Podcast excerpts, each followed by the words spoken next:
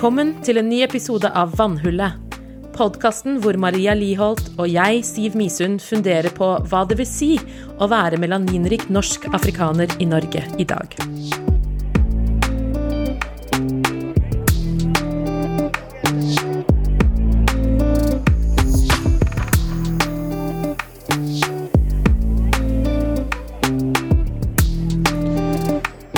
God morgen, far og mor. Nå var vi der, liksom. Yay!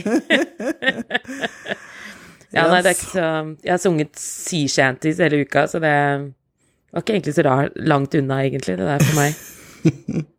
Nei, det er jo søndag morgen. Eller Ja. det er jo kanskje blitt formiddag snart, men ja. Ja, formiddag kan vi vel, kan vi vel si at det er. Ja, Det er nok det. Ja. sakte, men sikkert. Ah, Det har Ja. vært en en, deilig uke. Ja, det har vært en bra uke. Veldig bra uke. Det, jeg er enig. Det har vært en um, feel good-uke, føler jeg. Mm. Det trengte vi. For at vi trengte det nå. Ja, Mm. helt enig. Vil du starte med hvorfor Eller, ja, for det Jeg kan starte har med vært eh, litt Vi kan begynne Vi starter alt med det som er litt sånn ikke fullt så bra. ikke fullt så bra. Altså, det er jo egentlig en litt sånn triviell ting, men altså, været. Altså mm. Jeg skjønner ikke hva jeg skal ha på meg. Du vet du er norsk når været er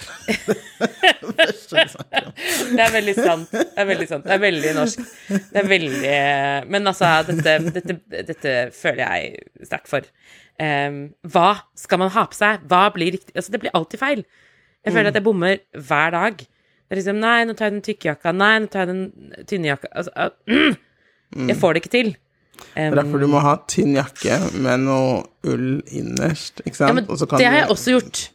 ta det bort etter hvert når det blir varmt. And still kan Layers. Nei, okay. I know, I do that too.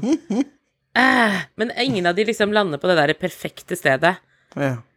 Det er det som er problemet mitt. At det, liksom, det er alltid litt kaldt. Eller litt varmt. Um, så ja. Nei, det er den um, Men jeg føler jo at in, in the bigger picture så jeg føler at det er ganske Det er en liten ting. Yes. Hva med deg? Ah, Nei, min verste er at uh, rundt onsdag så fikk jeg vondt i, i akillesen min. Uh, og det er liksom Ja, for jeg, jeg røk den da jeg var 15. Eh, Ja. Så det var Ja, jeg hadde et dårlig utgangspunkt, da. For det er ikke vanlig at jenter i det hele tatt ryker akillesen. Og i hvert fall ikke når du er 15 år. det er gjerne menn på 40 som gjør det. Ja. Så, så den var litt sånn, ja. Men uh, nå har jeg begynt å få vondt, og det er sånn verker og litt betennelse og sånn, Ah, tror jeg. Så jeg må til legen og sjekke det, for det Ja. halter rundt her, og det er ikke noe særlig, altså. Det er ikke noe særlig. Nei. Nei, så uh, du vet, det er jo ironisk at det er akillesen som skal knekke meg til slutt. Du vet, det var den akilleshælen, vet du. Ja. Sånn er det. Så jeg håper at eh, det bare kan forsvinne fort, Vi krysser fingrene. på en eller annen måte. Ja. Så det er min eh, verste denne uken her. Ja, jeg skjønner. Nei, vi, vi krysser fingrene og satser på at legene kan eh, fikse det. Fix it. Ordner opp. Yes. Yep. Jeg skal komme og bare sånn Fix it! Sånn Fix it now! Please. jeg sånn. Eh, yes. Hva er det beste for deg? Uh, jeg tror beste denne uka her har vært å se den endelige dansefilmen til Tabanka. Uh, awesome. Altså, jeg fikk jo ikke sett den liksom før den da hadde premiere. Så det er jo spennende å se noe man har jobbet med og, og har en idé om, ikke sant, hvordan det blir det endelige produktet, da.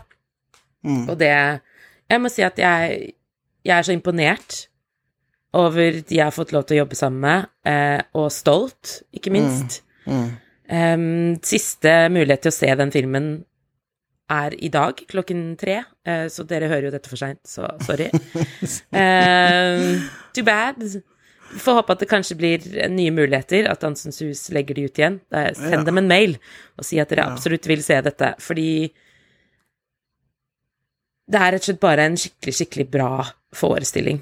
Altså, den forteller en historie, den sier noe viktig, den, den vil noen ting, og så er det jo eh, morsomt å lese Jeg kan jo altfor lite om dans, Em, så jeg ser det jo bare ut ifra Altså helt sånn kunnskapsløse øyne som bare Nå, de- koser meg med det jeg opplever og ser. De fleste ser vel det med de øynene. Ja, men det er jo interessant når du på en måte får litt historie på det, og du får litt visjon, Mm. eh, og liksom Som kommer på toppen av det. Det er jo en aftertalk også Mm. i den som er veldig, veldig interessant. Eh, men også morsomt å lese kritikk. Eh, og vi har jo fått noen anbefalinger, det var jo noen i NRK som absolutt syns at man burde se denne forestillingen. Eh, og det var det Shakespeare et eller annet, eh, dette burde jeg jo huske, men jeg kan linke til eh, så at man kan lese kritikken. Men eh, det er jo morsomt når folk plukker opp og ser, og det Jeg blir jo glad på de andres vegne, de som har skapt dette her. Sant? Thomas og Monica og Sidiki, eh, som er de tre som, som liksom står helt i midten, da. Um, og jeg vet jo hvordan det føles at noen faktisk ser det arbeidet du har gjort, og skjønner liksom dybden av det. Um, for det ligger jo et voldsomt samlerarbeid bare bak, altså sånn i mange år, som, som Thomas har holdt på med, um, som ja, er noe helt eget. Så, så det gjør meg fryktelig stolt, rett og slett, å få lov til å være med. Og få lov til å ta del i det. Det var gåsehud og tårer og Nei, det var utrolig vakkert, rett og slett. Altså eh, var jo selvfølgelig denne, På tirsdag så var det forestilling klokken syv, og det er jo midt i leggetid her i huset. Det er jo i dag skal vi se på dans, så da driter vi å legge oss klokka si. jeg prøvde å se på telefonen min mens jeg drev og men stelle, sånn, ork, Nei, det blir bare styr. Vi tar det på TV-en, og så ser vi på det, da. Ja. Og Noel sto jo og var helt sånn mesmerized, liksom. Hun, hun eh, ja, hun var helt, helt med og begynte å liksom danse, sto liksom og trampet med og bevegde seg med trommene og sånn, så det var veldig gøy å se. Og at hun eh, dagen etter begynte å kopiere noen av bevegelsene fra forestillingen. Det er så Eh, gøy. Når vi, drev, vi har alltid på musikk og radio på morgenen, og da er det danseparty hver morgen. Ja. Det vet jeg jo. liksom, ja. Så det at hun hadde nye bevegelser, eller nye mønstre, da, det var Ja. sånn, oi, det er veldig gøy å se. Så jeg tenkte jeg var sånn, skal jeg bare ringe Thomas nå og bare, bare sign her up? Ja, ja, men jeg er helt sikker på at han Det er snart eh, to, men eh, ja. Altså, man skal begynne tidlig. Tidlig krøkkes. Yes. Jeg føler at her er det håp. Så sånn, dette er nye Ja, og det viser liksom hvor, eh, hvor sterkt det er, da, når det liksom kommer Selv om det er på TV-en, Mm. så er det en, en på snart to som bare wow. Ja. Ja, det griper Her deg, da. var det noe som skjedde, da, ikke sant. Eh, så det var, eh, det var veldig fint. Og så var det jo morsomt at uh, moren min så det på torsdag, tror jeg det var, uh, og hennes kommentar etterpå var bare Det er veldig fast... Altså, hun likte det kjempegodt, eh, men var også da at det er veldig fascinerende å se hvor like du og Monica er. Og det ser jo jeg også når jeg ser på noen av de bildene, så tenker jeg hei. Ja, det er super weird. Det er veldig Nei, det er gøy. Så shout-out til Monica i Filika, meg siste. Yes. Det er sånn, du må ha sånn siste, tenker jeg. Eh, Sånn er det. selv moren min er sånn Det var ikke alltid dette, liksom Ja, ja, men det er Siv der, eller? Det er gøy. Jeg tenker det er bra når moren min ikke helt, er helt sikker. Så hva er din um, ukas uh, fun? Ukas beste er jo at eh, sant, Jeg fortalte jo på forrige episode at, det, den, at jeg fikk melding fra min eh, svigerinne om jeg ville ha barnefri helg. Sant? Sånn startet den uken. Og så, dagen etter, så eh, ringer det et nummer jeg ikke kjenner, og så sa jeg hei da, Maria. Hei, vi ringer fra Skullerud et eller annet something. Eh, vil, vil du ha vaksine? Koronavaksine. Og jeg bare eh, ja. så da fikk jeg det på torsdag. Så det var eh, awesomeness. Um, så det er deilig å være i gang. Så jeg får siste dose i ja, 10. juni, da. Da er jeg ferdigvaksinert. Ja, Så det er veldig fint. Så det er liksom, ja, så har jeg hatt disse tre barnefrie nettene uh, denne uken her, og det har vært kjempedeilig. Men jeg kjenner også på at det blir godt å få henne hjem igjen nå, da. At det, Mm. jeg gleder meg til å se henne etterpå. Ja. Eh, men det har vært eh, digg å kunne liksom ligge i senga til klokka ni. Mm. Og så er det sikkert noe jeg må ikke, det er ikke masse tid jeg må fikse og ordne, og, ja. og har fått den lille ferien der, da. Så det, det trengtes. Så det var veldig deilig. Det skjønner jeg. Så det har vært uh, Så det har vært en bra uke, folkens. Jeg håper dere har hatt en uke, ass. bra uke. mm, rett og slett. Og så um, det har jo vært 1. mai. Ja. Det har vært 1. mai. Og det er derfor vi forrige uke hadde derfor Lyse eh, og hennes entreprenørskap og arbeiderkvinne. Og denne uken her så snakker vi med Jens, Mhm. som også er entreprenør. Eh, og ja, han driver Han har mange baller i luften, da, for å si det mildt. eh, ja. Herregud. Han, eh, ja, han jobber med mye forskjellig. Eh, veldig interessant type. Um, og så må jeg bare si på starten av intervjuet så sier jeg at eh, du er den første vi denne sesongen, men det er fordi vi, han var den første vi intervjuet denne Ja. sesongen. Men episoden hans kommer jo først nå, da. Så, Ja. så der har jeg liksom bare fått rettet litt opp i det. Ja. Mm. Men eh, nei, han er uh, driftig type, altså. Fy søren. ja, utrolig fyr, rett og slett. Mm. Altså virkelig bare hatten av hva han får til. Ja. Det er veldig gøy og imponerende og inspirerende, ikke minst. Syns Ja, jeg det var å snakke med han. Ja. Ja, for det var litt sånn ikke sant, Både å snakke med han og med Furuse, så fikk jeg satt jeg med av det var sånn Shit, jeg må bare begynne med et eller annet, jeg. jeg bare gjøre noe, liksom. Ikke sant? Samtidig som det. Kommer, ja, så Ja. kommer min sånn Jeg liker jo at det er forutsigbart og behagelig. Kommer jo, er litt sterkere, da. Men jeg, Ja.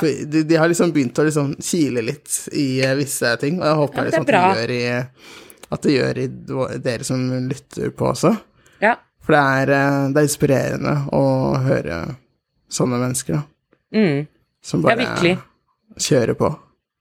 Så um, hvis man tenker at man ja, kanskje har en drøm, har en idé, har en tanke, um, så er dette to fantastiske mennesker å virkelig lytte til. eh, Stille spørsmål til, tenker jeg. Vite om at de fins, og vite at det er muligheter.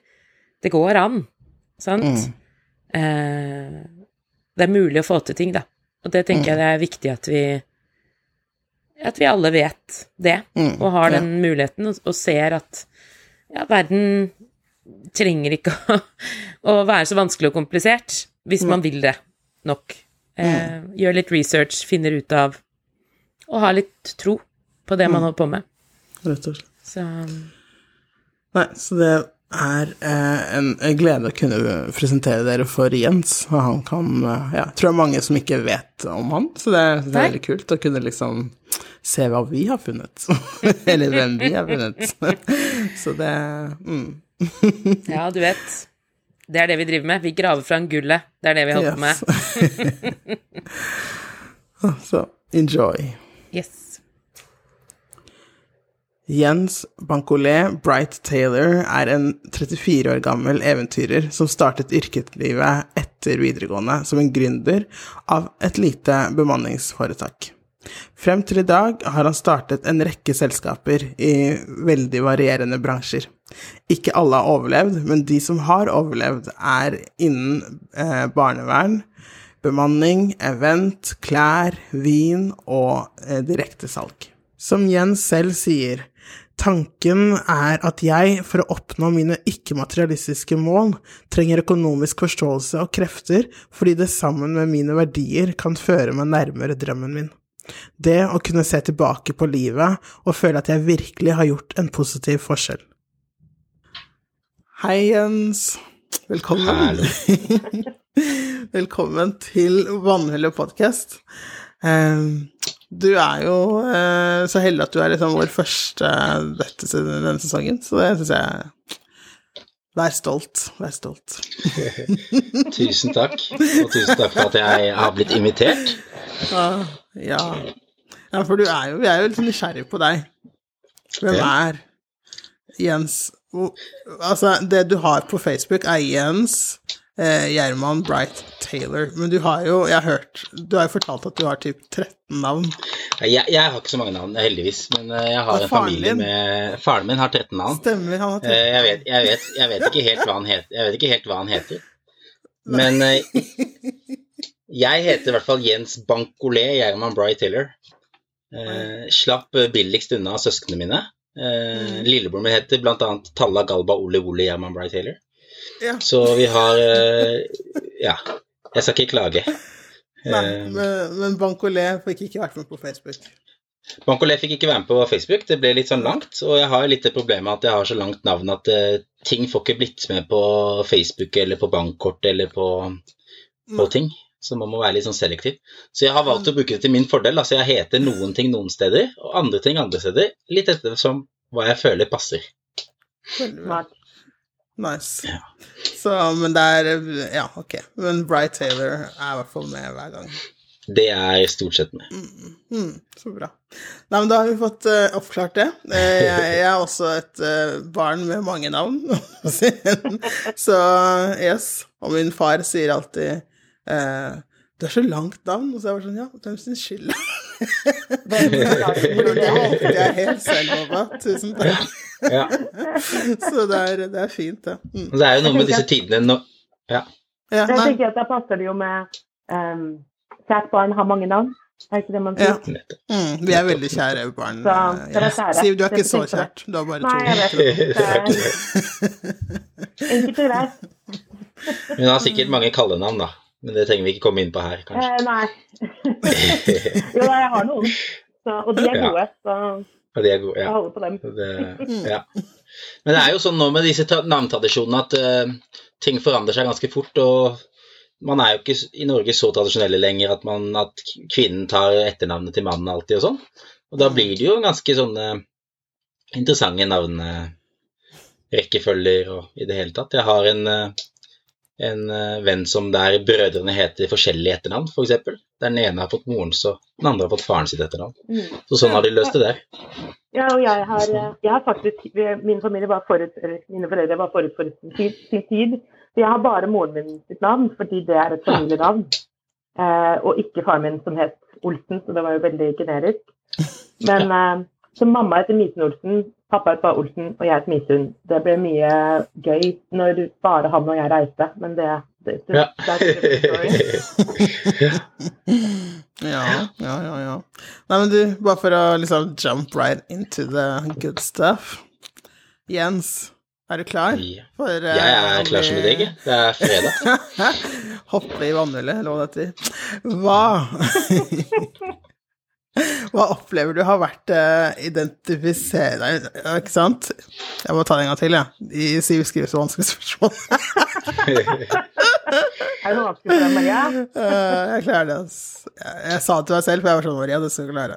Hva opplever du har vært identitetsdefinerende øyeblikk for deg, og som har formet deg til den du er i dag? Intet mindre, Jens. Intet mindre. Uh, ja. Er, jeg eh, Hvis man med øyeblikk mener et sånt uh, tosekunders to sekunders eller tre sekunders eh, sak som, som forandrer livet, så, så kan jeg ikke si at jeg husker og har opplevd så mye av det. Men jeg har litt lengre øyeblikk i livet mitt som, uh, som kanskje har, har vært med Eller som helt sikkert har vært med å definere meg. Uh, og jeg tror eh, om jeg ikke skal kalle det øyeblikk, så kanskje kalle det perioder eller, eller ja, historier eller, eller lignende. Mm. Jeg tenker at det Eh, er et bredt uttrykk, så du kan favne det du vil. Ja, ikke sant. Ja. Eh, for å ta et øyeblikk da, som er ganske kort, og har definert ganske mye i forhold til hva jeg driver med, så eh, hadde jeg aldri hatt en ordentlig jobb eh, før jeg ble 18. Eh, og da fant jeg ut at nå må jeg begynne å jobbe, for jeg har jobbet som skuespiller eh, tidligere og jobbet på Nationaltheatret og sånn da jeg var yngre. Så jeg hadde egentlig tett pengene mine sånn, og så måtte man jo ut, og, ut i den store verden og tjene ordentlige penger og flytte for seg selv og sånn, så da, da ringte jeg til et vikarfirma. Og de sa at ja, ja, du kan komme og jobbe for oss, og da begynte jeg å jobbe på ja, mange forskjellige steder. Jeg hadde sånne strøjobber, da, så det var en uke her og en uke der. Og en av disse strøjobbene var å sitte i eh, et sentralbord og motta post og telefoner. Og jeg mottok, mottok da eh, et brev med en regning på den tjenesten som jeg satt og leverte. Altså en regning på eh, meg, og hva det kostet dette sentralbordet å ha meg der. Eh, og da fikk jeg litt innblikk eh, i at de som leide meg ut, tjente like mye penger som jeg som satt der. Og det var, et, eh, det var en sånn aha-opplevelse for meg eh, i forhold til det å starte for meg selv. da.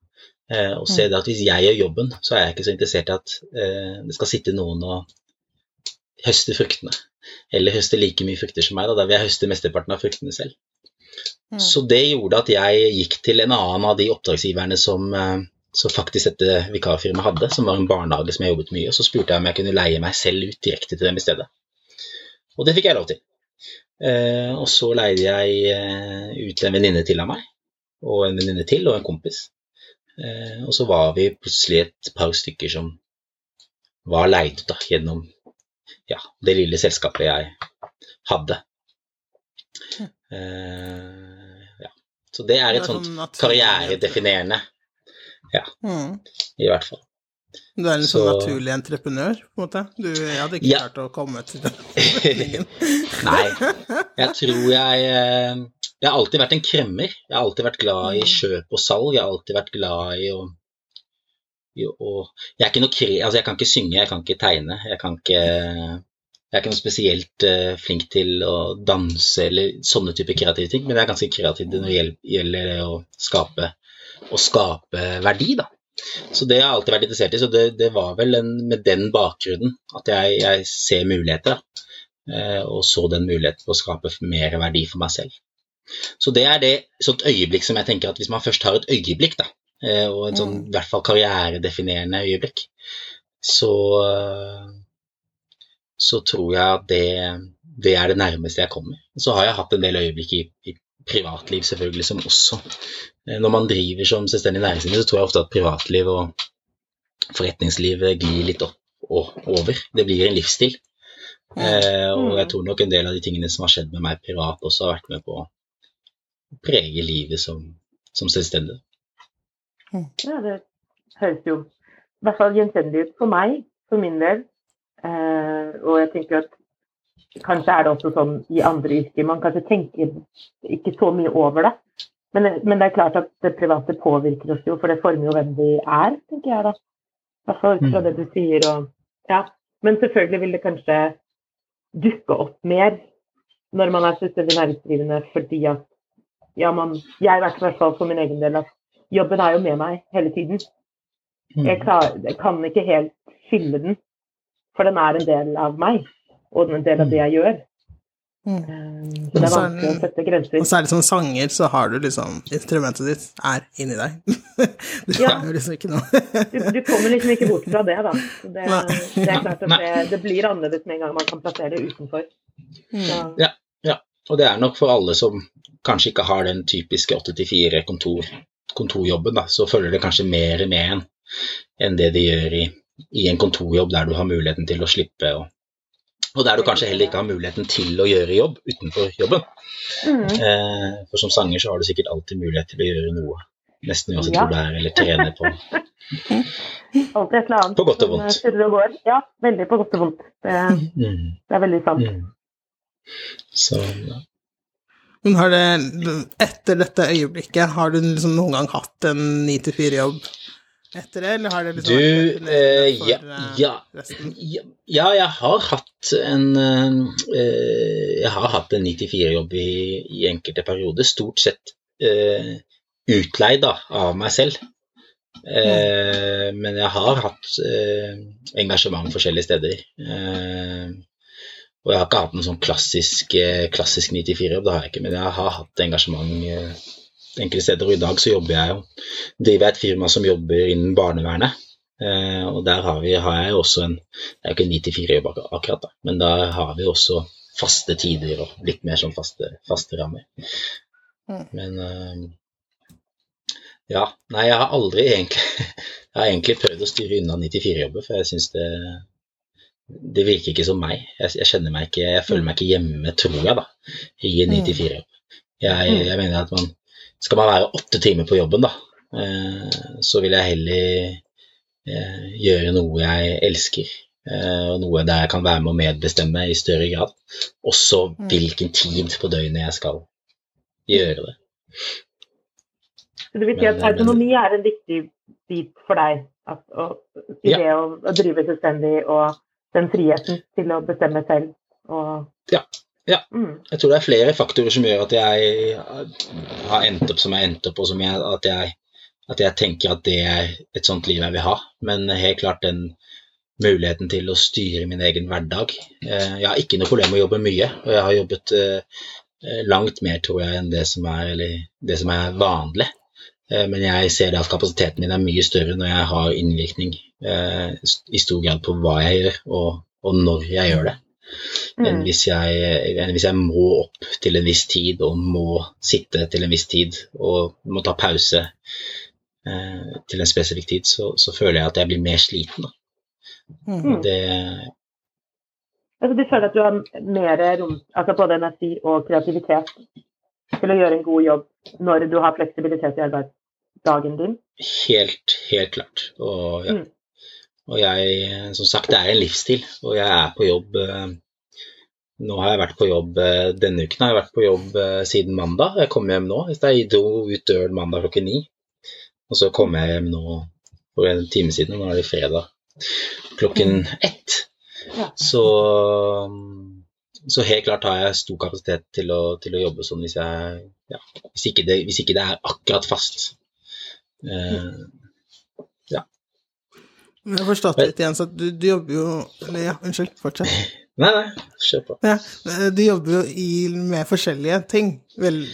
Ikke sant? Jeg jobber med bransjer. veldig forskjellige ting. Ja. Ja, hvor vil du enlighten oss? Hva er liksom ja, Hva er det eh, du gjør? ja, hvor mange Du dager sa har vi? barnevern. det er barnevernsinstitusjonen som du fortalte Ja. om nå? Ja, Mm. så, så jeg driver Omme bemanning, som er et bemanningsfirma som uh, leier ut personell til barnevernet. Eh, I tillegg til å leie ut personell, så driver vi litt sånn aktivitets... Uh, et aktivitetssenter, kan du si, da, der vi tar med barn ut på forskjellige aktiviteter og dagstilbud. Så det driver jeg med, og det har jeg vært jobbet i barnevernet, eller jobbet med barnevernet i tre-fire år. Bakgrunnen min er at jeg har jobbet med barn siden jeg var barn selv. Eh, og har en lang fartstid fra fritidsklubb, som jeg syns er et utrolig godt konsept. Som jeg er veldig lei meg for at det ikke er eh, mer utbredt både i Norge og på verdensbasis. For det, å, det for barn å ha en, en, en møteplass der det ikke er noen forventninger, Mm. eh, der du bare kan være deg, det tror jeg er utrolig viktig. Eh, og jeg ser hvor, hvor, hvor godt det fungerer i, i praksis. Mm. Så det, så det er det som fikk meg inn på det å brenne for barn og unges oppvekstvilkår og det å ha et sted å være seg selv.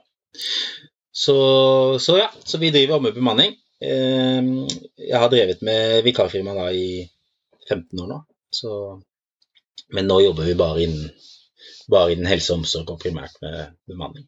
Så har jeg i tillegg et eh, klesfirma. Eh, Korona tok livet av butikken vår. Så, men vi har solgt de siste seks årene så har vi solgt eh, dresser til menn for det meste, eller penklær til menn, da. Eh, I Barcode i Oslo. Eh, men nå er litt nye tider, så nå er vi litt sånn venter på å se om det går an å åpne butikken, eller kanskje man ikke skal gjøre det i det hele tatt, men finne på noe helt eh, annen måte å selge klær på. Mm.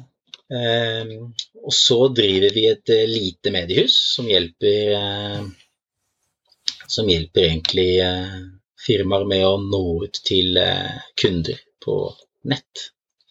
Annonsering og ja, den type ting. Eh, og i den anledning har vi også et salgsfirma som hjelper oppstartsbedrifter med egentlig alt fra A til Å. Da. Alt fra å utvikle ideen, eh, få tak i eh, finansieringen til å, til å kunne sette i gang, eh, til å videreutvikle og, og nå ut til kundene og gjøre med, med salg. Eh, og så har jeg vært så heldig at jeg er med i, en, eh, i å drive en Bloom-salong, en skjønnhetssalong. Eh, og så har vi et. Det spriker veldig, ja.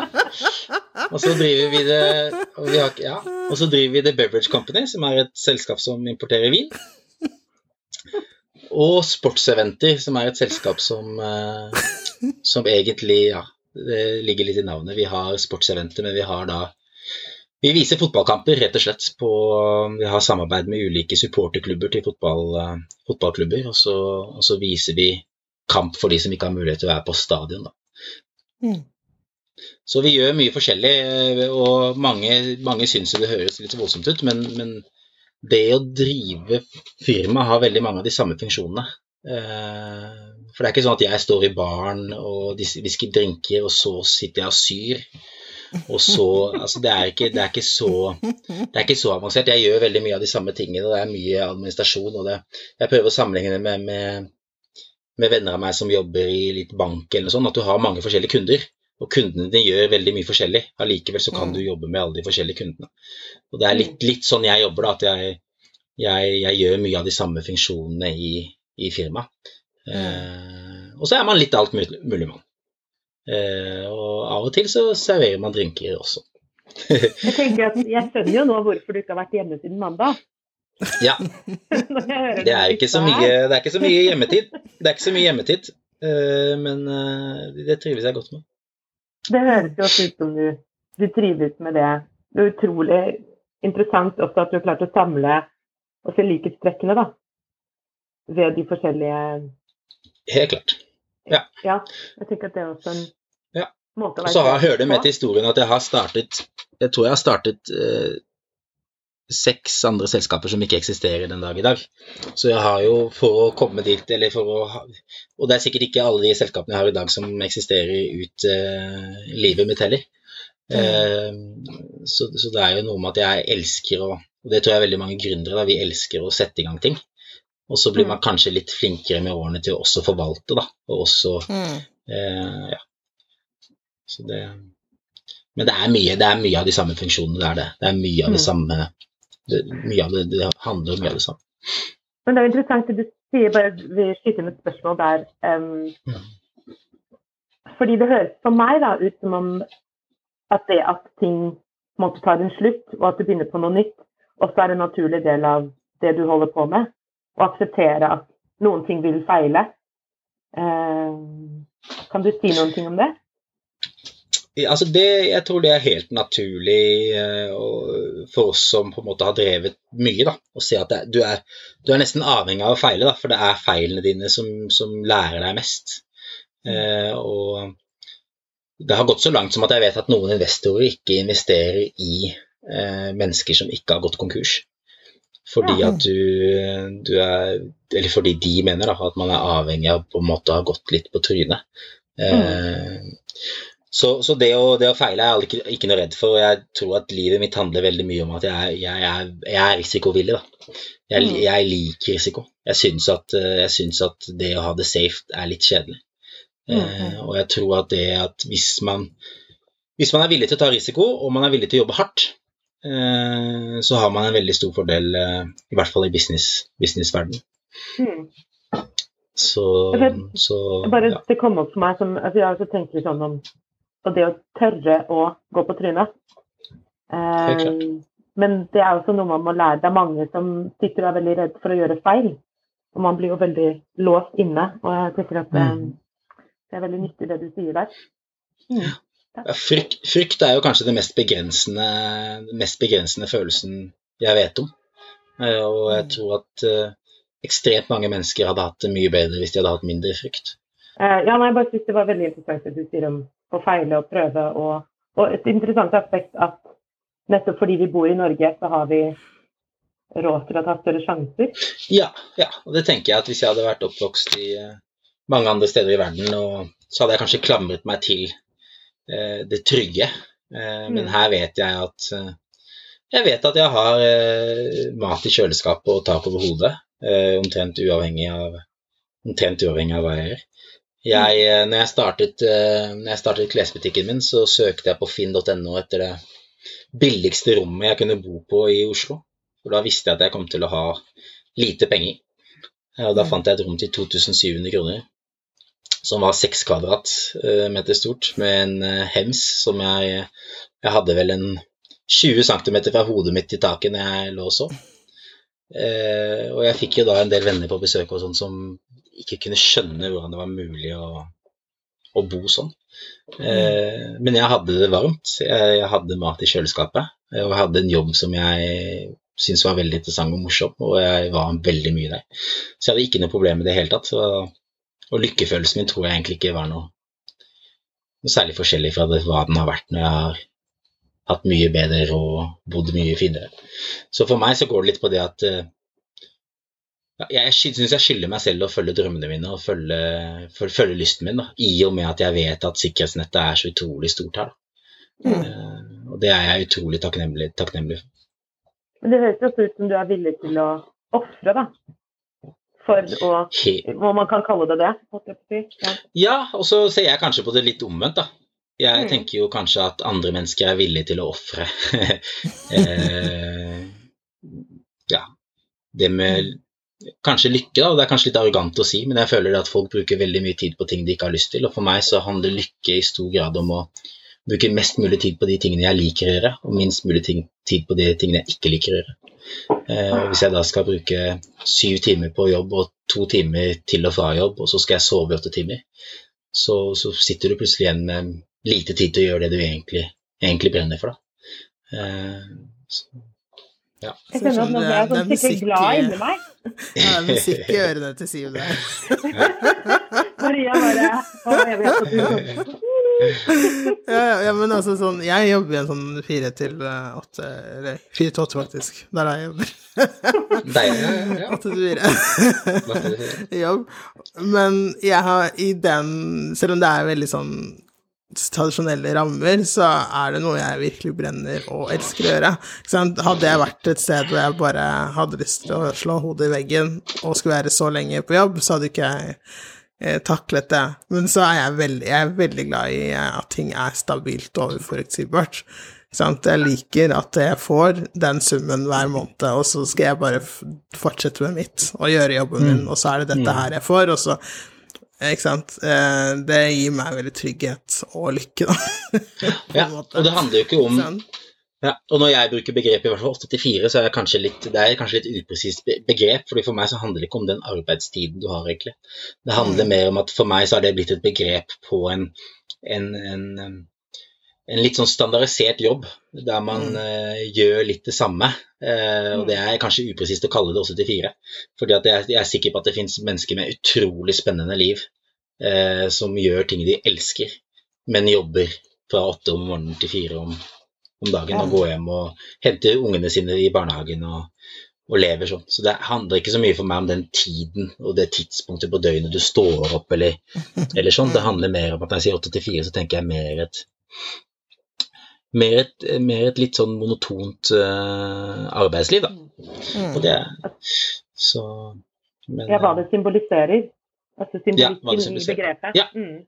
Ja, og så er jeg utrolig glad for at, at, det finnes mennesker som er villige til å, til å, Eller som ønsker, og også som er villige til å ha et sånn type jobbliv. fordi at jeg tror at samfunnet, er sånn som jeg er nå, for at jeg skal kunne gjøre det jeg gjør, så er jeg sannsynligvis avhengig av at noen gjør de type jobbene også.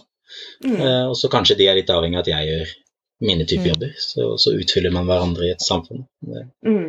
Det, er veldig, det, er veldig, godt at du sier. Jeg, nå har jeg, jeg har jo blitt sånn Clubhouse-junkie de siste dagene, siste mm. uken.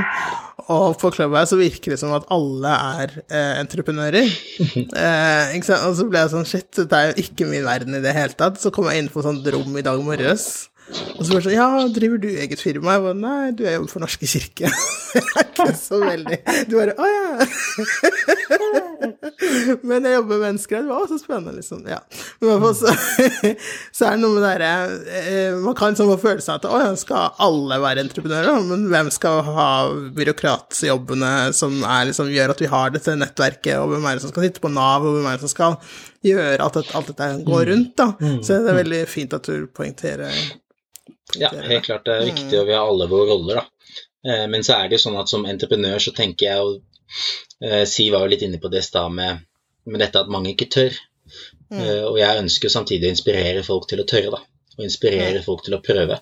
Og det går an å gjøre begge deler også. Eh, jeg, mitt råd til folk, egentlig som skal starte eget, er jo det å starte det lite og jobbe et annet sted og ha det stabilt. Det er ikke sånn jeg har gjort det selv i det hele tatt, men, men, men hadde, jeg ting, hadde jeg gjort ting på nytt, så tror jeg kanskje at jeg hadde ja, jeg er ikke sikker, men jeg tror kanskje jeg hadde gjort det litt annerledes. Og det med å ha stabilitet for veldig mange mennesker. da. Nå vet jeg også at jeg er en Jeg er ikke noe opptatt av, av stabilitet, og jeg tenner egentlig på eh, risiko. Eh, så, men jeg vet at for de fleste mennesker, det å ha en stabilitet og det å vite, som du sier, Maria, at pengene kommer inn der og da eh, mm. Jeg har levd på provisjon siden jeg var 17-18 år gammel. Eh, så jeg, for meg så er det, det er naturlig. Jeg gjør det i dag. Den dag i dag så har jeg ikke noe fast Jeg levde for produksjon én gang i mitt liv. Da var jeg telefonselger. og jeg tjente 200 kroner på en måned. Så jeg var sånn Det, det skal ikke gjøre mer. Nei. Du var ikke noe flink, eller hadde du ikke eh, Nei, altså, jeg ble sittende mer og høre på folks problemer og sånn. Okay. du burde jobbe på sånn spåtelefon, da, vet du. Du skal jobbe på sånn spåtelefon eller sånn Sånn 21 kroner minuttet. Snakk med ja, Maria. Jeg skulle fått penger for Altså, for jeg jobbet jo lenge, altså arbeidstiden var der, men uh, jeg fikk ikke penger for at jeg satt der og snakket med folk. Nei. Nei. Mm. Nei Så der folk er forskjellige, og det er jo Og det er, det er, endelig, det er endelig, godt, da. Og så ser jo jeg i min bransje, så er det jo Og det gjelder jo selgere, telefonselgere og slikt også, at stort sett så De som er flinke, tjener jo mer hvis de jobber på mm. produksjon, og veldig ofte. Um, det er en gulrot, liksom? Ja. Mm. Men det, ja da. Så jeg slår i hvert fall slaget for at, ja, for at, folk, eh, for at folk tør, da. Fordi det er, det er ikke så skummelt, og fallhøyden er ikke så stor som, som det man tror. Eh, og så er jo folk utrolig flinke til å utsette og utsette og utsette fordi de ikke tør å finne alle mulige unnskyldninger. Men mm. det første jeg og de jeg jobber sammen med, spør når folk kommer og, og forteller om drømmene sine i den, så spør vi bare hva skal til? Hva skal til for at vi mm. starter den nå? Og så mm. jobber vi sånn. Så tar vi ett og ett. Eh, vi liker ikke å bruke ordet problemer, egentlig, men én og én utfordring eller ett og ett utgangspunkt om gangen. Mm. Mm. Og så når det til slutt ikke er noe mer som skal til for at vi starter, da, men da starter vi. Mm. Kan du forklare litt eh, hvor, følelsen i deg når du starter opp et nytt firma, eller en nytt, eh, ny idé, liksom? Eh, det er en slags Det er vel det nærmeste eh, jeg kommer en forelskelse på jobb. da. At det er en sånn mm. slags sånn ny, nyforelskelse. Man, man, eh, man, blir litt sånn oppslukt, og eh, det, det Sommerfugler i magen og eh, Det er en utrolig for oss som er glade i å gründe da, og glade, glad i å starte, så er det en utrolig sånn veldig, veldig god følelse. Og den følelsen blir ofte overtatt av, av en litt sånn der vanskelig tid etterpå. Fordi at uh, man, man, er man, er mye mer positiv enn det man uh, kanskje Eller man er ikke så realistisk, da. Veldig sjelden. Når vi lager budsjetter, og da blir man jo flinkere med, med, årene som går, men stort sett når vi lager budsjetter, også fortsatt, så lager man budsjetter f.eks. med worst case-scenarioer, som viser seg jo i det hele tatt ikke være worst case i det hele tatt. Uh, et worst case-scenario for en typisk gründer er egentlig et helt Ofte så er, de, så er, de, fornøyde hvis eh, Eller så burde de være fornøyde hvis de treffer det. så, så, ofte så kommer det en sånn liten tid etterpå der, der, man, der man får realiteten opp i fjeset og skjønner hvorfor er det ingen som har gjort dette. Jo, det er sikkert noen som har gjort, prøvd, men det har ikke gått, eller det er vanskelig. Og så er det knallhard jobbing. Og så, så er man liksom inn og ut av forelskelse en, en stund, uh, egentlig. Man må jobbe med relasjonen, sånn. Man må jobbe med, rela man må jobbe med relasjonen. Eh, og så er det jo selvfølgelig mange individuelle eh, følelser, og jeg har jo også hatt mine forskjellige følelser avhengig av hva man jobbet med. Sånn som nå når jeg jobber med det Omme behandling, som er det selskapet som, som sånn økonomisk og best av det jeg driver, da. Det, der har det egentlig gått veldig på skinner hele veien. For jeg visste veldig mye av jeg visste veldig mye av hva jeg skulle Jeg har vært, vært, innom bransjen, og jeg har bra folk rundt meg. Så det har på en måte, det har bare glidd hele, hele, veien. Mens andre ting, sånn som klesfirmaet mitt, har jeg hatt utrolig mange opp- og nedturer. Og flere partnere og inn og ut og flere selskaper. Da. Og det har vært en, en, en mye mer turbulent tur, da.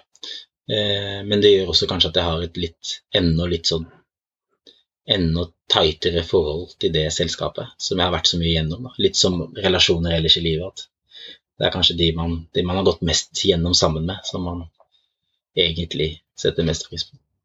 Mm. Jeg tenker at det er jo kanskje ikke så komplisert da, å like noen ting som går ganske smooth. tenker jeg. Det, er ikke så, det krever kanskje ikke nødvendigvis så mye av en selv, men hvis man er en person som det slår meg at du er, eh, som liker utfordringer og liker at det lugger litt, da, så kan ja. jeg jo skjønne at da blir man jo også mer eh, kanskje knyttet, i hvert fall, til de tingene som, eh, som ikke nødvendigvis er problemfrie. Ja, eh. og så er det, ja. Og så er det jo i hvert fall for meg så er det en stor grad av dette med mestringsfølelse. da. Og det å, det å få utfordringer, og det å være i situasjoner som, som virker umulige, men også kjenne på og oppdage den styrken man har da, til å faktisk klare det umulige. Mm. Og mm. resultatet når man har klart det umulige, og, og, og kunne se tilbake på det, på det da, og være stolt av seg selv og kjenne på mestringsfølelsen, den, det er noe også det som får meg til å vokse mest og får meg til å bli mest, mest glad. Og mestringsfølelse er utrolig viktig for, for, mennesker. Eller i hvert fall de fleste, tror. Mm. Mm. Ja, det tror jeg er veldig rett i. Det er gøy å høre liksom, den, det engasjementet og den ja, lidenskapen da, for det du gjør. Det, til og med jeg fikk jo lyst til å starte firma nesten. Men jeg føler jo litt at denne podkasten her, Siv, det er eh, altså Det er et lite firma, det, Maria. Ja, det er et lite AS, nei, ikke ja. ja. men det er jo et prosjekt, det er jo, det er jo et prosjekt eller, eller, det vi kaller ofte en case, da. ikke sant? Og så skal man få det mest mulig ut av den casen. Mm. Og jeg tenker på alle de som, har, som sitter på, tenker på at de skal starte podkast, men er mm. redde for et eller annet. Eh, eller ikke setter i gang. Og så her har dere satt i gang. Eh, mm. så det, det, er mye av det samme. Det er mye av de samme funksjonene. Ja. Det er mye av de samme funksjonene. Ja. Du har en liten gründer i deg, Maria, likevel. Altså, jeg har det, men jeg, det, er, jeg, det er den derre den frykten, da. Jeg har mange sånne ideer innenfor det jeg Mitt felt. Hvor jeg tenker at å, hvorfor vi må gjøre det enklere sånn, eller vi må drive undervisning på denne måten og sånn.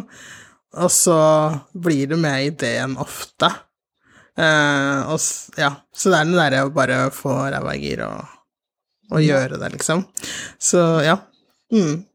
Så man, jeg tror det er mange som sitter med noen mindre gode, gode ideer rundt omkring. Ja, helt klart. Og det er mange. Altså, jeg blir pitchet ting hele tiden. Jeg blir pitchet dårlige ideer hele tiden. Men kanskje siden du opplever å bli pitchet mye dårlige ideer, hva er en god pitch for deg? Hva er en? Du, en god pitch? Altså, en god pitch, Maria, da som har masse ideer på hvordan de kan gjøre ting annerledes på jobb. Hvordan skal hun selge det inn på jobb? Hvis hun skulle selge det inn til meg de gangene jeg sitter med investor og lignende, det jeg, det jeg ser at eh, Nå er ikke jeg den største investoren i verden, men jeg sitter med folk som, som, som lever med å investere. Eh, det de ofte investerer i, er jo personen og ikke produktet. Eh, de ser etter engasjement, de ser etter pålitelighet. Check, check. Check, check, ja, nettopp. ja. Eh, og jeg tror de ser ofte etter det før de, før de, ja, før de ser på selve casen. Men det er jo viktig at casen har en, uh, har en levedyktighet. da. Og det er jo ofte på det økonomiske. Eh, og gründere er jo notorisk dårlige på økonomi og regnskap. fordi at stort sett, da, sånn som Maria Nå vet jeg ikke om Du jobber jo i kirken, så jeg vet, ikke, jeg, vet om, jeg vet, ikke, om, planen din er å starte en ny kirke eller, eller innenfor, da, men ofte så har man Ofte så har man peiling på det man har peiling på. ikke sant? Man er, man er et fagmenneske eller en, en, en engasjert eh, person som, som Noen er gode på å synge, eller noen er gode på å snekre, og noen er gode på å lage mat. Men det er ikke så ofte at de samme personene er veldig gode på økonomi, da. Eh, så det gründere veldig ofte sliter med, er jo det økonomiske aspektet. Så det tror jeg veldig mange investorer ser på, er jo hvor pålitelig er det økonomiske aspektet ved prosjektet. Um, men det er ting som man helt klart kan eh, få hjelp til, og det ligger mye bra info der ute for folk som har lyst til å starte, på hvordan de skal gå fram. Eh, og kanskje finne en partner som er flinkere enn en selv på de tingene. Mm. Ja, for da, da blir det annet spørsmål Hvis du da skal se etter en partner før du går og pitcher til noen, vil du da si at å finne noen som har andre kvaliteter enn deg selv? Helt klart. Ofte så søker man jo Ja. like. på en måte. Helt klart. helt klart. Og litt avhengig av hva du skal gjøre, da. Ikke sant? Hvis du, er, hvis du sier er en sanger, og du skal starte en popgruppe, eller en, så er det jo litt interessant at de andre kan synge også. Eh, eller skal det være sånn lead at bare du kan synge, og så er du front Ja, sant. Ja. Det er kanskje sånn, ja. Men i de fleste yrker så, så tror jeg det at jeg i hvert fall har vært avhengig av å ha folk som utfyller meg selv, og ikke bare i forhold til eh, egenskaper, men i forhold til hva de liker å jobbe med også. Eh, Fordi at eh, ja, engasjementet det er nesten det aller viktigste. Og så vil du alltid kunne finne folk som kan ting. Mm. Og det ser jeg. Jeg har jo drevet masse. Jeg har drevet, jeg er ikke noe, jeg har drevet uh, cateringfirma f.eks., men jeg er ikke noe kokk. Men, uh, men å finne folk som er dyktige og som er engasjert innenfor det å lage mat, da, det er fullt mulig. Å finne folk som er dyktige og engasjert innenfor økonomi, det er fullt mulig. Og Mm. markedsføring osv. Og så er jeg veldig på det at mange gründere er veldig redde for å Veldig mange er så redde for å dele eh, på ideen sin, og også Mm. dele på eierskapet til ideen, at det ikke Mm. blir noe av. Eh, og Ja. Derfor sier jeg alltid til folk at jeg vil heller, mye heller eie lite av noe stort enn masse av ingenting. Mm. Eh, og det er nok av ideer som eh, folk er så forsiktige, og de vil ikke snakke med dem med noen, så det ble aldri noe av den ideen. Da tror, jeg, da tror jeg det er mye bedre at jeg snakker om alt, og så får vi se, da. Det er kanskje noen som kopierer det, men da skjer det i hvert fall et eller annet. Det er større sjanse, tror jeg, da, om at det, at det, faktisk, at det faktisk blir noe.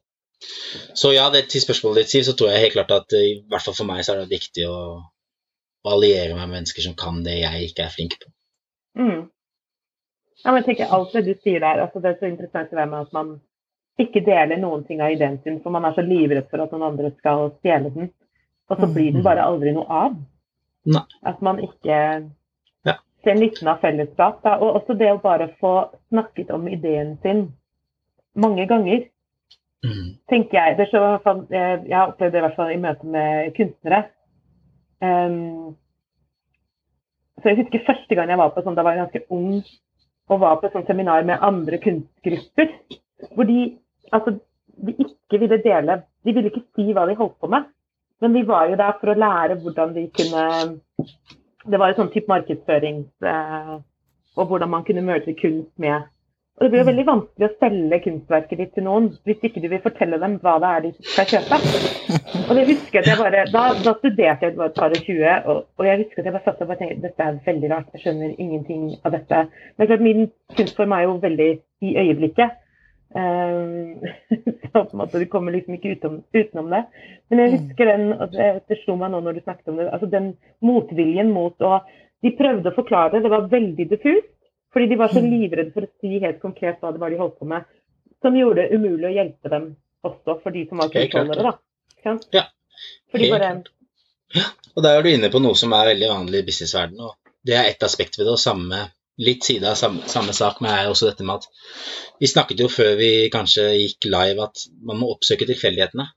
Og alle de Mm. tilfeldighetene som oppstår når du snakker om ting. Eh, Ja. Plutselig så, så, så kjenner noen noen, eller vet om noe Mm. annet, eller vet om et prosjekt som allerede er i gang du kan henge deg på, osv., osv. Eh, vi er avhengig av eh, nettverk, vi som starter firmaer. Det er utrolig få som lykkes uten å ha noe form for nettverk.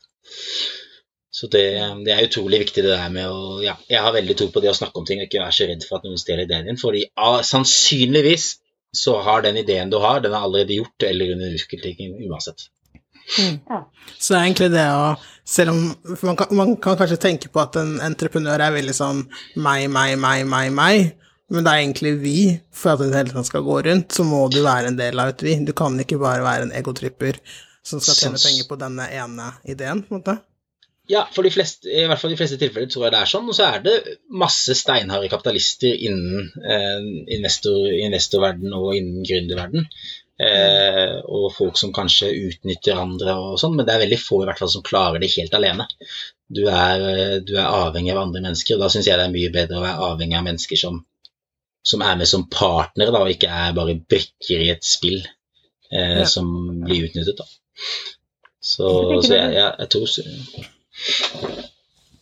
bare, bare tror man når du sa det at ja, det er noen som er beinharde, og det, er, det kan være tøft. Mm. Uh, men jeg mm. tenker, det handler også litt om å velge hvem man vil være. Mm, ja, jeg tror det handler altså litt, velge, ja, jeg tror det handler litt om hvem man vil være. Så tror jeg at det er en ting som er vanskelig, og det er vanskelig med, med min bakgrunn og mitt verdisyn og sånn også, er at eh, det er ikke en, en, dans på roser, det å drive firma. Og litt kynisme eh, må stort sett til. Eh, og mm. for en del av oss som kanskje egentlig higer etter å gjøre verden til et bedre sted, eh, så kommer vi litt på kontrovers med oss selv i noen tilfeller der vi er nødt til å være kyniske eh, i litt større grad enn det som er naturlig for oss. da. Og så er jo det også en balanse ikke sant, der man ikke må gå på man, man, man, må ikke gå helt bort fra seg selv heller. Eh, men helt klart for at, et, for at, et, selskap skal gå, så må man tjene penger. Og for å tjene penger så må du av og til gjøre litt tøffe valg. Mm. Eh, og eh, av og til er business business, og man er nødt til å Ja, man kan ikke alltid se på kun de menneskelige aspektene eh, hvis du skal drive, dessverre. Mm. I hvert fall sånn som jeg opplever det. da. Og så er det liksom litt uh, Men der tror jeg også mange uh, mange sliter. Og innenfor sånn som du sier, som sier at du er liksom innen det kunstneriske og, og, det, så tror jeg at der er det veldig mange som sliter med dette med å gå mm. på kompromiss med seg selv uh, i mm. forhold til kunsten. hvis man skal leve av det, eller hvis man skal også tjene penger på det. da. Uh, der er det kanskje enda vanskeligere, for der er det enda mer kanskje personlig knyttet til en selv. Uh, og integriteten med en selv og, og, og sånn, da. ikke sant? Hvis du, du, er kjempeflink til å synge, men gospel er kanskje ikke det som selger så mye i Norge, da. Så må du kanskje ta et tøft valg, da. Skal du, skal du leve av å synge, men da må du lage russelåter.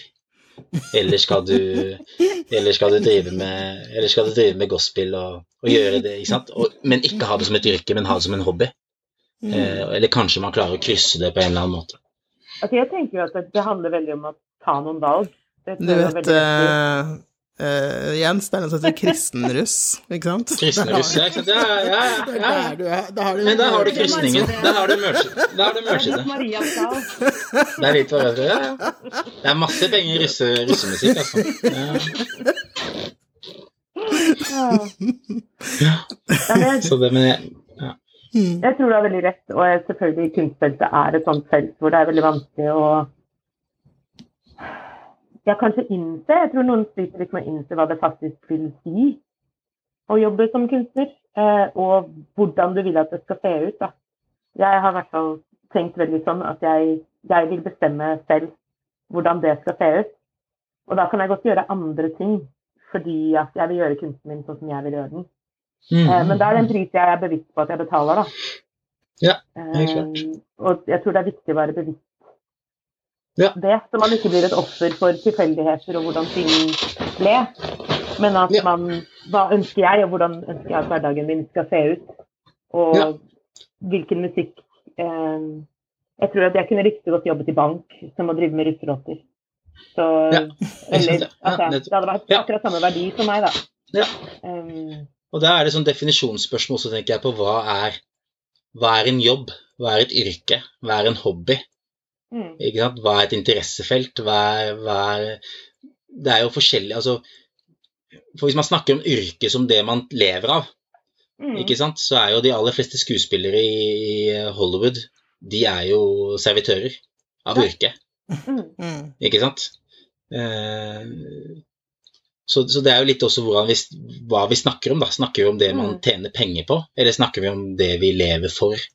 Mm. Eh, så det, ja. Ja, men du, uh, Jens. Ja. Eh, vi er jo uh, si, Alle vi som sitter her, er jo melaninrike av forskjellige nivåer her.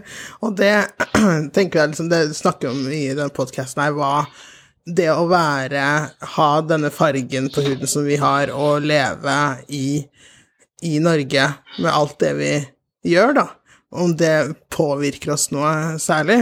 For, jeg tenker sånn i eh, amerikansk kontekst, når det kommer til liksom corporate world og business og sånn, så snakker man om at, eh, at svart hår og kropp eh, og personlighet, at det ofte blir sett på som uprofesjonelt.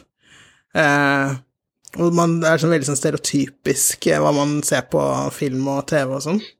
Mm. Og er dette her noe liksom du har eh, vært borti, noe du har tenkt på, eh, noen opplevelser rundt det i din kontekst, da? I den norske forretningsverden? Ja. Eh, nå, jeg, nå representerer, eller representerer jeg vel ikke noe engang, men jeg, nå jo, beveger jeg meg i en, i, en, i en, viss sfære innenfor et forretningsverden. da. Og det mm. finnes jo forskjellige sfærer, og det er forskjellige nivåer.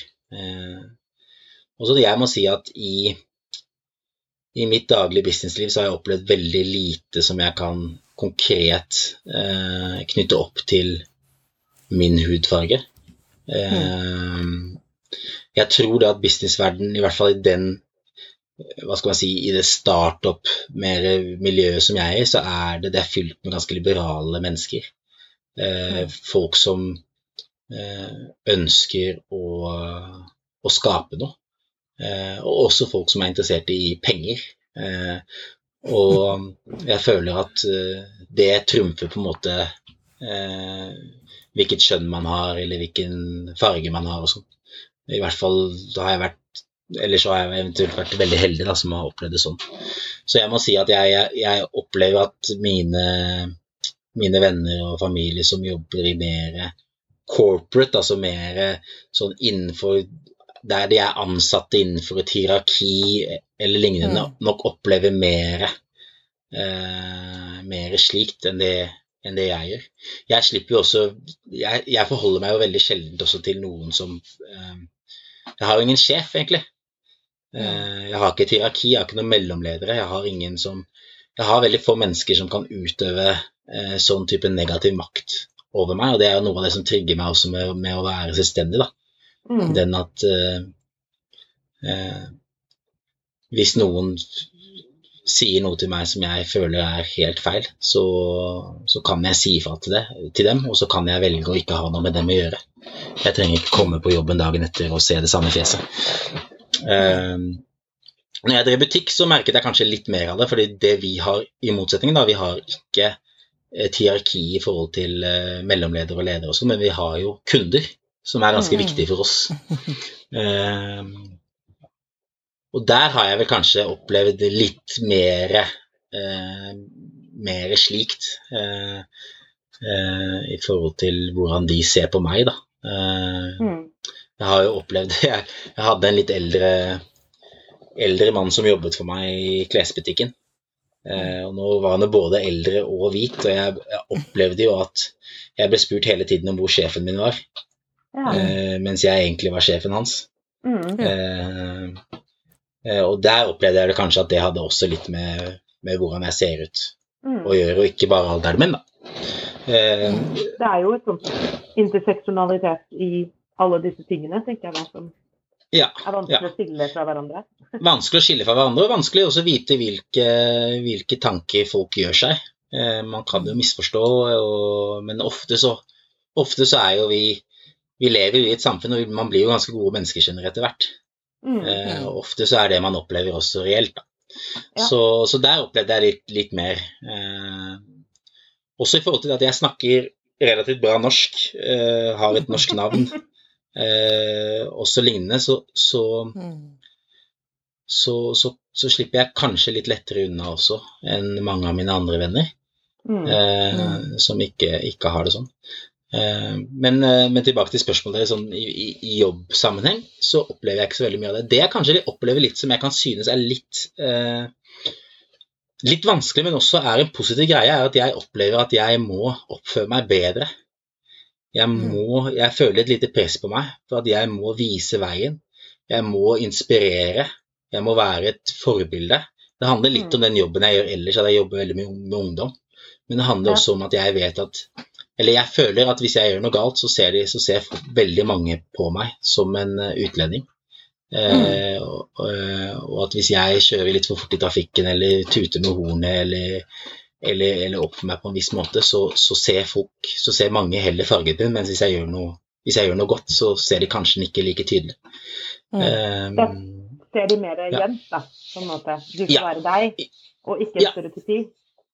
Ja, ja. Jeg føler at stereoty stereotyp stereotypene knyttet opp til hvordan jeg ser ut, da, mm. oftere er knyttet opp til negative hendelser eller negative ting man gjør, at det er da de blir forsterket, eller det er da folk tenker over det. Mm. Um, så, så, så, så det, det, er jeg nok litt bevisst på. At jeg mm. kanskje uh, må smile mer. At jeg kanskje må være hyggeligere og høfligere. At jeg kanskje må være penere i språket, at jeg kanskje må være penere i, i klærne. Mm. Uh, at uh, jeg, jeg, tenker av og til at folk, hvis de bare ser meg, kan ha en del formeninger, og at jeg i større grad må fort snu de meningene. Mm. Eh, men jeg prøver bare å vri det til en positiv greie. Altså jeg tenker, ok, men Dette er jo positive ting. Jeg har jo lyst til å smile mer, jeg har lyst til å være mer pålitelig. Jeg har lyst til å, jeg har lyst til å være dannet. Eh, samtidig så er det litt, så er det et press, da. Det er jo det med å leve under, under sånne press kan være litt, litt vanskelig til tider også.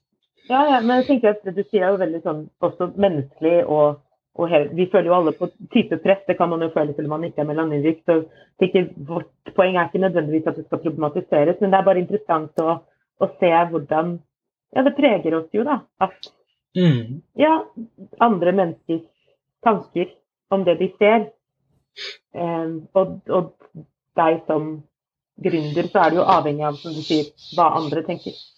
Mm, det er klart. Ja. Og det å bare være bevisst på det. Altså, jeg tenker jo også på det som sanger, at når jeg skal presentere noe, så er det jo viktig hvordan jeg presenterer det. Det skal jo være i en ramme. Mm. Um, og at mm. ja, det visuelle er også en del av uh, ja, hva folk oppfatter. Også hvordan du kan ordlegge deg, uh, hvordan du presenterer deg og de tingene. Det spiller jo inn. Det er så mange ting som, som gjør opp hvordan vi opplever andre mennesker. Helt, helt klart. Så det sånn, ja. Når du sier at du um, sant, kan føle på det presset på å smile mer og være mer dannet og snakke mer korrekt og sånn, eh, mm. føler du også Eller kan, har det skjedd noen ganger at um, folk blir overrasket? Sånn Oi, ja, ja jeg Var du det, der, skjønner du? Over ja. at du er disse tingene du føler at de syns at du skal være, men når du er det, så er det en sånn wow. på en måte. Ja, ja, jeg tror at folk noen ganger blir overrasket. Altså, det jeg har opplevd en del, er jo det at jeg snakker med folk på telefonen, og så møter jeg dem. Mm. Eh, og så har jeg presentert meg som Jens og snakker sånn som jeg snakker. Og så mm. møter du dem, og så, og så, får de et lite sjokk. Og det, det er gøy. Det er jo ikke nødvendigvis noe Ja, og det er jo ikke nødvendigvis Jeg, jeg, jeg holder egentlig ikke det imot folk, fordi at jeg skjønner det. Uh, hvis mm. noen uh, jeg, jeg, møtte Jeg hadde en kunde jeg hadde en kunde som kom veldig mye til klesbutikken min, som bodde nede i Barcode. Mm. Og han het Abdullah, uh, men var helt norsk, altså sånn etnisk norsk, og hadde konvertert til islam. Mm. og jeg heter Jens, og første gangen vi hilste på hverandre og vi strakk hendene mot hverandre, så fikk begge to den derre Oi. Eh, for vi er jo fulle av, eh, av inntrykk og, og kall det fordommer eller, eller bare eller bare Ja. Jo, jo, historien, jo... vår, historien, vår, har vist meg at de fleste som jeg møter som heter Abdullah, de ser ikke ut som han. Så det skaper automatisk en lite, lite sjokk. Eh, mm. eh, så, ja, erfaringen så, din, da, tilsier Ja, erfaringen min tilsier ikke sant, at, mm. uh, at det er noe annet. Så, så, jeg holder ikke det imot folk. Og stort sett syns jeg at folk eh, reagerer fint, eh, fint, på det i mm, jobbsammenheng. Jeg har nok hatt mm. mer problemer i andre, andre i andre settinger, uten at livet mitt har vært så utrolig traumatisk med tanke på det.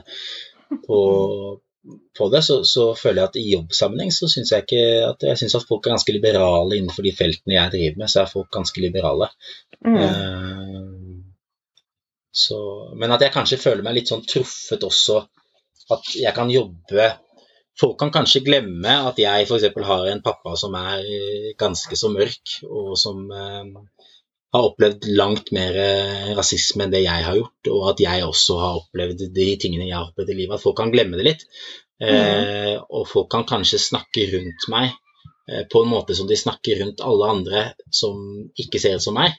Eh, og så Ja. kan jeg kanskje bli litt mer støtt da, av det de sier, eller ord de bruker, Mm. Er eller, eller ting de tenker. Nei, de er ikke forberedt. Jeg tror at de på en måte kanskje har garden litt høyere opp med andre mennesker, da, og tar litt Mm. mer hensyn, kanskje. Eh, og at de kanskje blir litt på meg Kanskje de er litt sånn Ikke usikre engang, men at de, ja, at de eh, At de glemmer litt da, at jeg kanskje kan være følsom overfor ting som som de ja, kanskje ja, Jeg vet ikke, jeg liker ikke det ordet etnisk norsk så veldig godt, men eh, det Nei, folk som er ly lysere enn enn meg og født og oppvokst i. Norge, Mm. tenker jeg. Så det merker jeg, og det merker jeg kanskje særlig hos kunder som jeg er, som er litt utenfor byen, der språket er litt annerledes. Mm. Uh, og der når de senker garden med meg, så kanskje sier og tenker og føler en del ting som jeg syns er litt upassende, da. Ja. Eh, og det er vanskelig, for der, igjen, der er det igjen kunder, og, og hvor, eh, hvor, eh, hvor hardt skal du, skal du gå tilbake på, på, på ting, da. På den Mm. integriteten kontra inntjening. det, er Ja. en, eh, det, er en, det kan være en litt utfordrende balanse.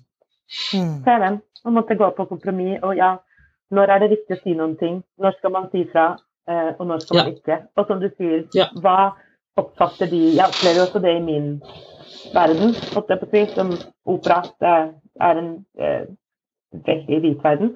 Um, Hvor de er så vant til at jeg er meg. Mm. At de Mm. ikke tenker over at det er noen ting som skjer rundt oss som jeg garantert vil reagere annerledes på.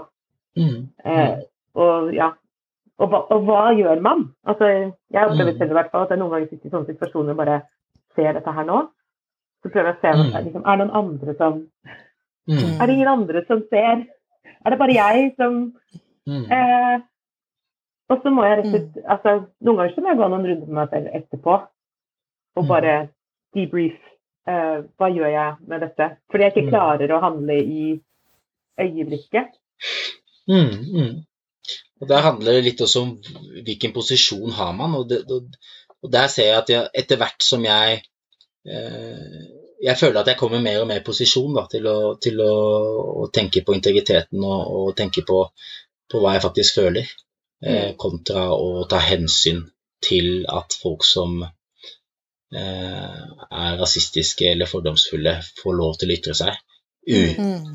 umotsagt, da. Ja. Og jeg er veldig for ytringsfrihet, og du skal snakke du kan si, for, I min del kan du egentlig si hva du vil, men vær beredt på at da blir du snakket tilbake til. Og da Mm. sier jeg hva jeg vil også.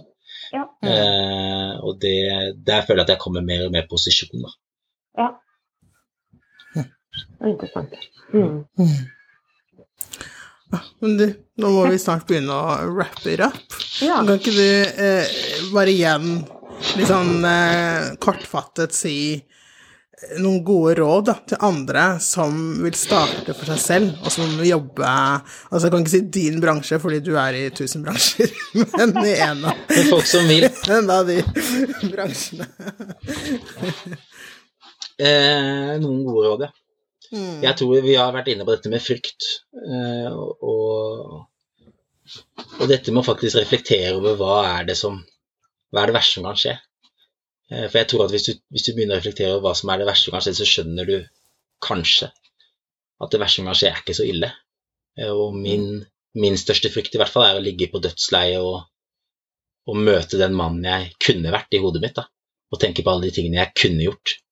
Eh, eller hva jeg kunne fått til. Eh, og at det er mye mer frykt for meg i å ikke gjøre enn å gjøre.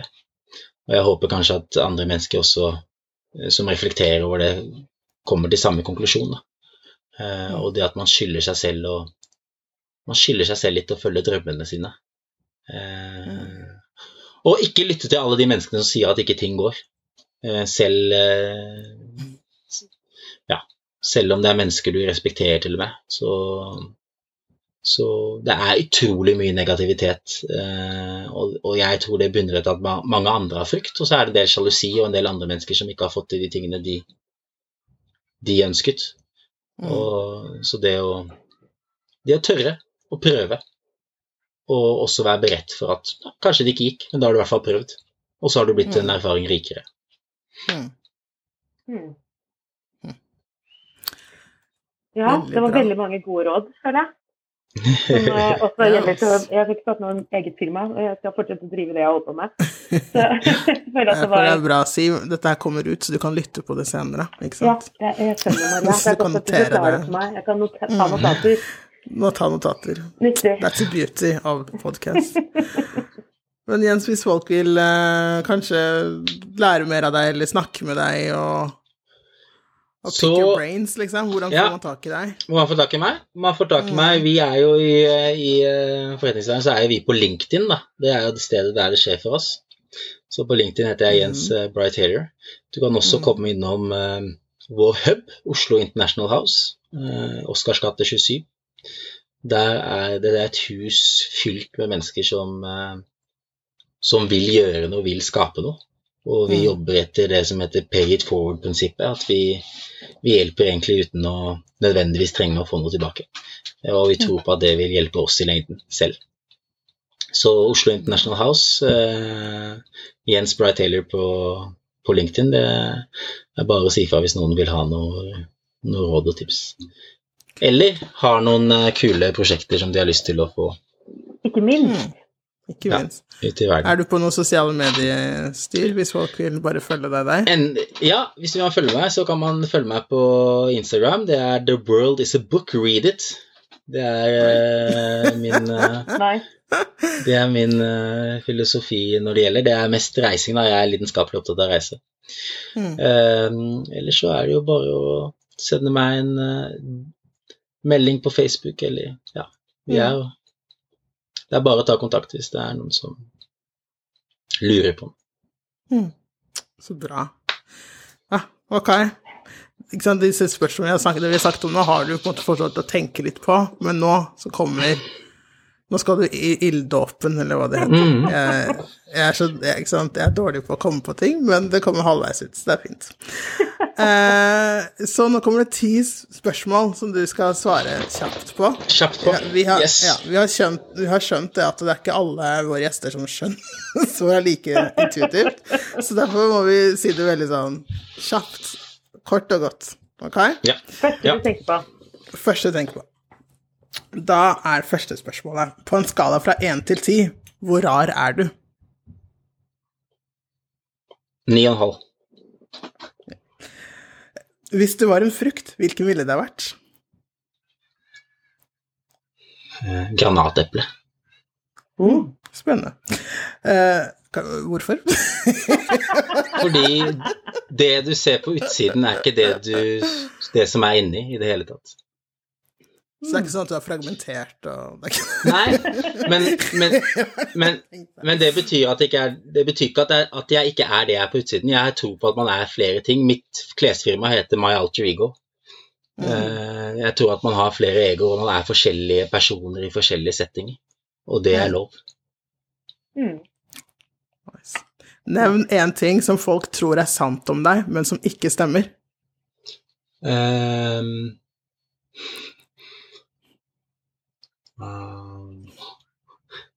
det var et godt spørsmål. Ehm, ja, jeg kommer ikke på noe som alle tror er sant om meg, men eh, at jeg alltid er blid, eh, det stemmer bare nesten. Det er bra, da. Ikke vær blid hele tiden. Det er kjedelig. Eh, Hva gjør du for å ta vare på deg selv? Jeg er veldig glad i å trene, eh, og så driver jeg med eh, sånn intermediate fasting. Så jeg faster hey. mellom 20, 16 og 20 timer om dagen. Ja, Jeg òg. så det gjør jeg. Og så er jeg vegetarianer. Og så er jeg vegetarianer, da. Du er vegetarianer. Der er vi ikke med, men ok, jeg er med på Nei, fasting. det, det, hadde, det hadde, jeg hadde jeg på fastingen.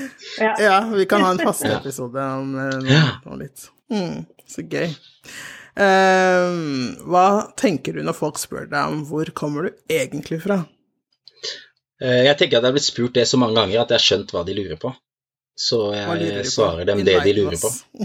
De lurer på hvorfor jeg, hvorfor jeg har den fargen på huden som jeg har. Eh, Er du høflig da og sier svarer, eller sier sånn Du lurer egentlig på hvorfor jeg er brun? Nei, jeg er stort sett, jeg er stort sett, jeg er stort sett eh, ganske høflig og sier, eh, sier det de vil ha svar på, men også utdyper at jeg er fra Norge.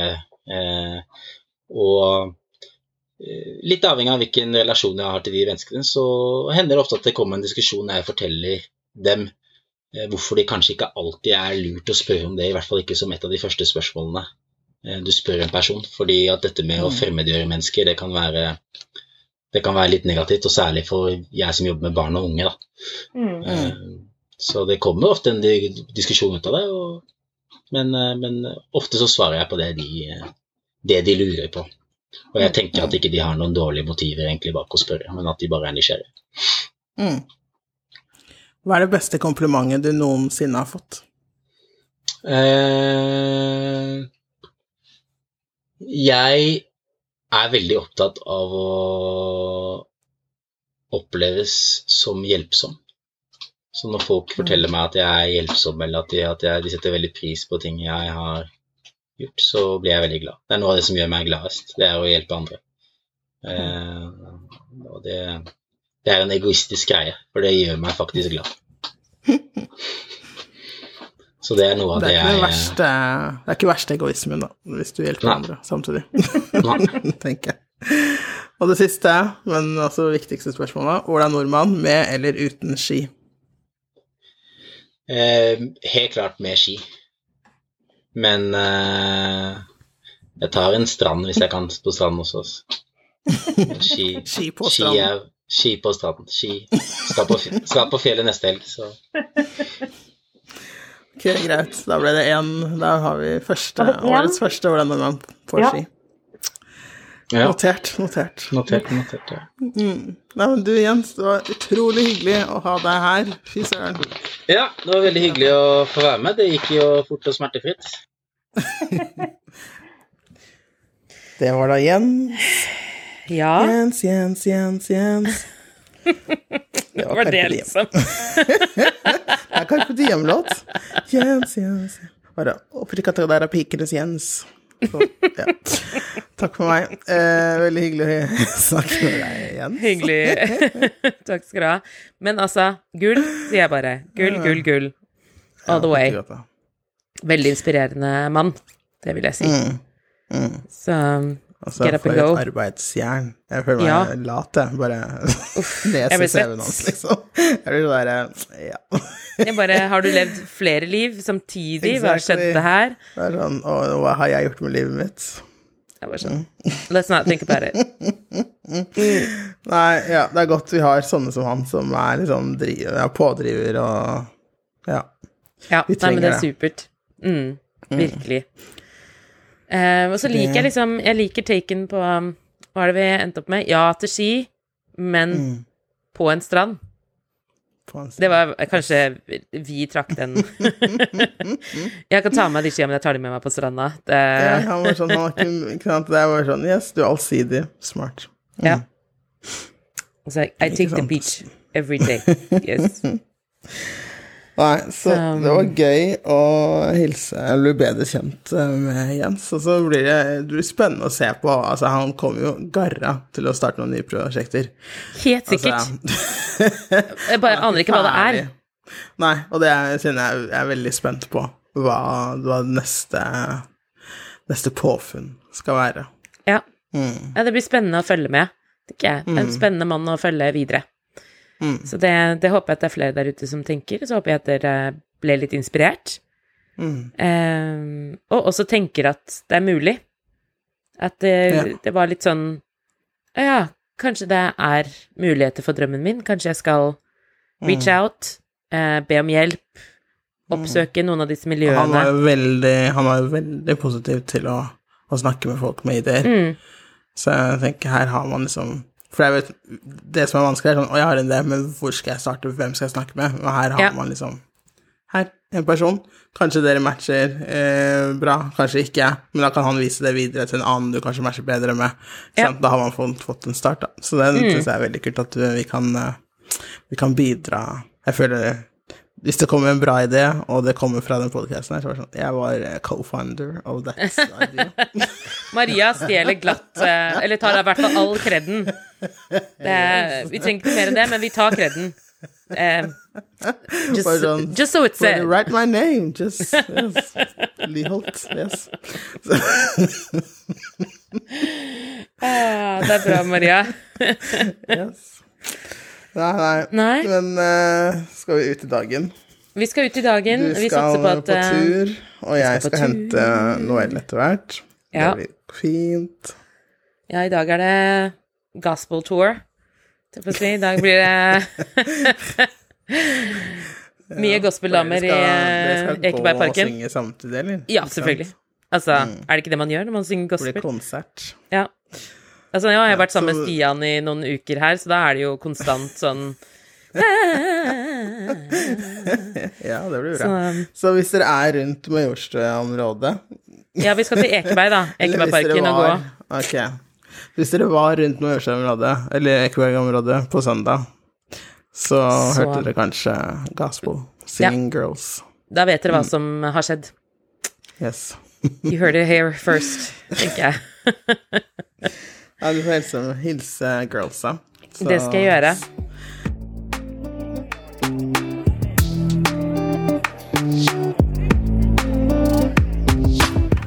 Vannhullet podkast er laget av Siv Mysund og Maria Liholt. Musikken er laget av Olve Flakne. Husk å abonnere på podkasten, følg oss på Instagram og Facebook. Lik og del. Vi ses ved Vannhullet.